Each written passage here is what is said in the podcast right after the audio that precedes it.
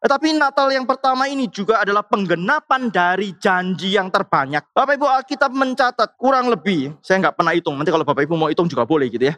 Tiga ratusan lebih janji tentang Mesias. Ada orang yang hitung Bapak Ibu. Tiga ratusan lebih janji tentang Mesias. Dari yang umum sampai yang detail. Sampai yang sangat-sangat terperinci. Ada tiga ratusan lebih janji tentang Mesias. Dari seluruh perjanjian lama. Bapak Ibu bisa melihat, tidak ada, tidak pernah ada satu pribadi yang dijanjikan sedemikian banyak. Tidak pernah ada satu pribadi yang dijanjikan sedemikian lama. Dari sejak umur bumi, dari pertama kali Adam dan Hawa. Sampai kemudian janji itu digenapi terus menerus. Sepanjang umur bumi itu janji itu diberikan. Tidak pernah ada satu pribadi yang demikian. Janji yang paling banyak tentang satu pribadi. Janji yang paling lama diberikan paling lama. Kita nggak tahu dari Adam sampai kepada Kristus itu berapa ribu tahun. Kita nggak tahu persis. Ada banyak orang yang menduga-duga 4000 tahun atau berapa ribu tahun. Kita nggak tahu persis. Tapi yang pasti ini adalah satu janji yang paling banyak diberikan. Seluruh perjanjian lama.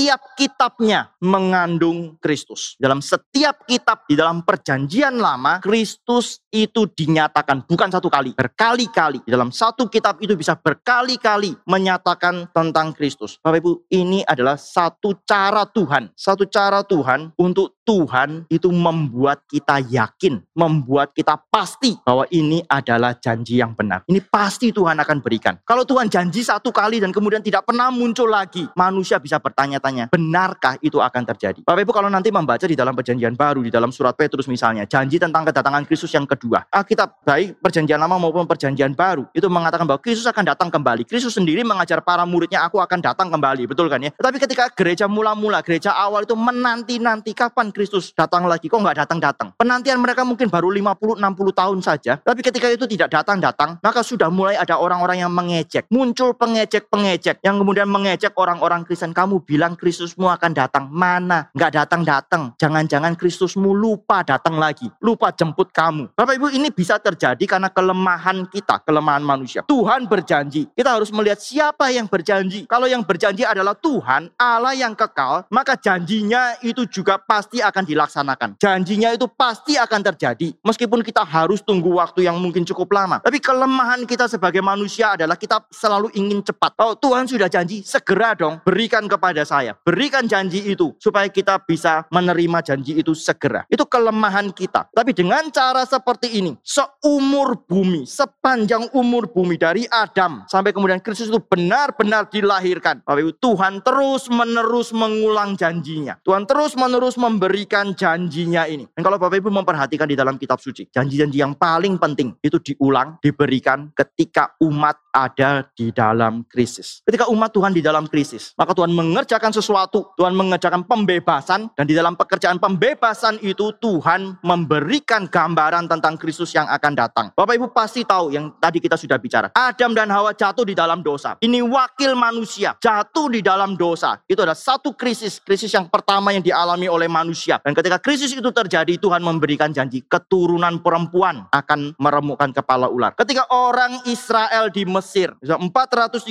tahun diperbudak di Mesir. Mereka tinggal di Mesir, kemudian diperbudak di Mesir, dan itu sudah tidak tertahankan lagi. Maka ketika Tuhan mau melepaskan mereka, tulah yang ke-10 itu didahului dengan makan Paskah. Di dalam makan Paskah itu Tuhan menetapkan ada anak domba Paskah dan anak domba Paskah itu adalah gambaran Kristus. Dan kalau Bapak Ibu melihat terus ketika orang Israel karena dosa mereka, pelanggaran mereka Tuhan hukum, Tuhan buang mereka keluar dari tanah perjanjian. Tidak boleh ada di tanah perjanjian karena sudah melanggar perjanjian Tuhan. Mereka harus keluar, mereka diserahkan kepada bangsa asing. Maka nabi-nabi itu berbicara. Nabi-nabi itu memberikan janji pemulihan dan janji pemulihan itu menyangkut nubuatan mesianik. Yesaya itu menubuatkan hamba yang menderita yang akan menanggung dosa-dosa kita. Dan nabi-nabi yang lain itu juga memberitakan tentang Kristus. Hamba yang menderita itu sekaligus juga adalah raja yang menang yang akan memulihkan umatnya. Bapak Ibu janji-janji mesianik ini diberikan khususnya ketika umat itu di dalam krisis, ketika umat itu terancam, terancam karena Tuhan sedang menghukum mereka karena dosa-dosa mereka ataupun mereka diancam oleh musuh. Maka janji-janji ini diberikan oleh Tuhan menimbulkan pengharapan yang terus-menerus. Ya, Tuhan memberikan janji-janji ini bukan cuma sekedar supaya manusia tidak lupa. Tapi Tuhan memberikan janji-janji seperti ini di dalam event-event tertentu, di dalam peristiwa-peristiwa tertentu, khususnya ketika umat itu ada di dalam krisis, supaya umat itu terus-menerus ada pengharapan. Ada pengharapan. Sekarang saya harus menanggung hukuman saya. Sekarang saya ditindas oleh musuh dan seterusnya. Tetapi nanti akan datang pembebas. Dan Bapak Ibu juga memperhatikan, ini bukan cuma janji yang diberikan untuk supaya kita terus memiliki pengharapan, tapi janji ini ketika diberikan, makin diberikan, makin mendekati kepada penggenapannya, maka janji ini semakin detail. Janji ini dinyatakan secara progresif. Pertama cuma dinyatakan keturunan perempuan, tetapi kemudian makin lama itu akan semakin detail,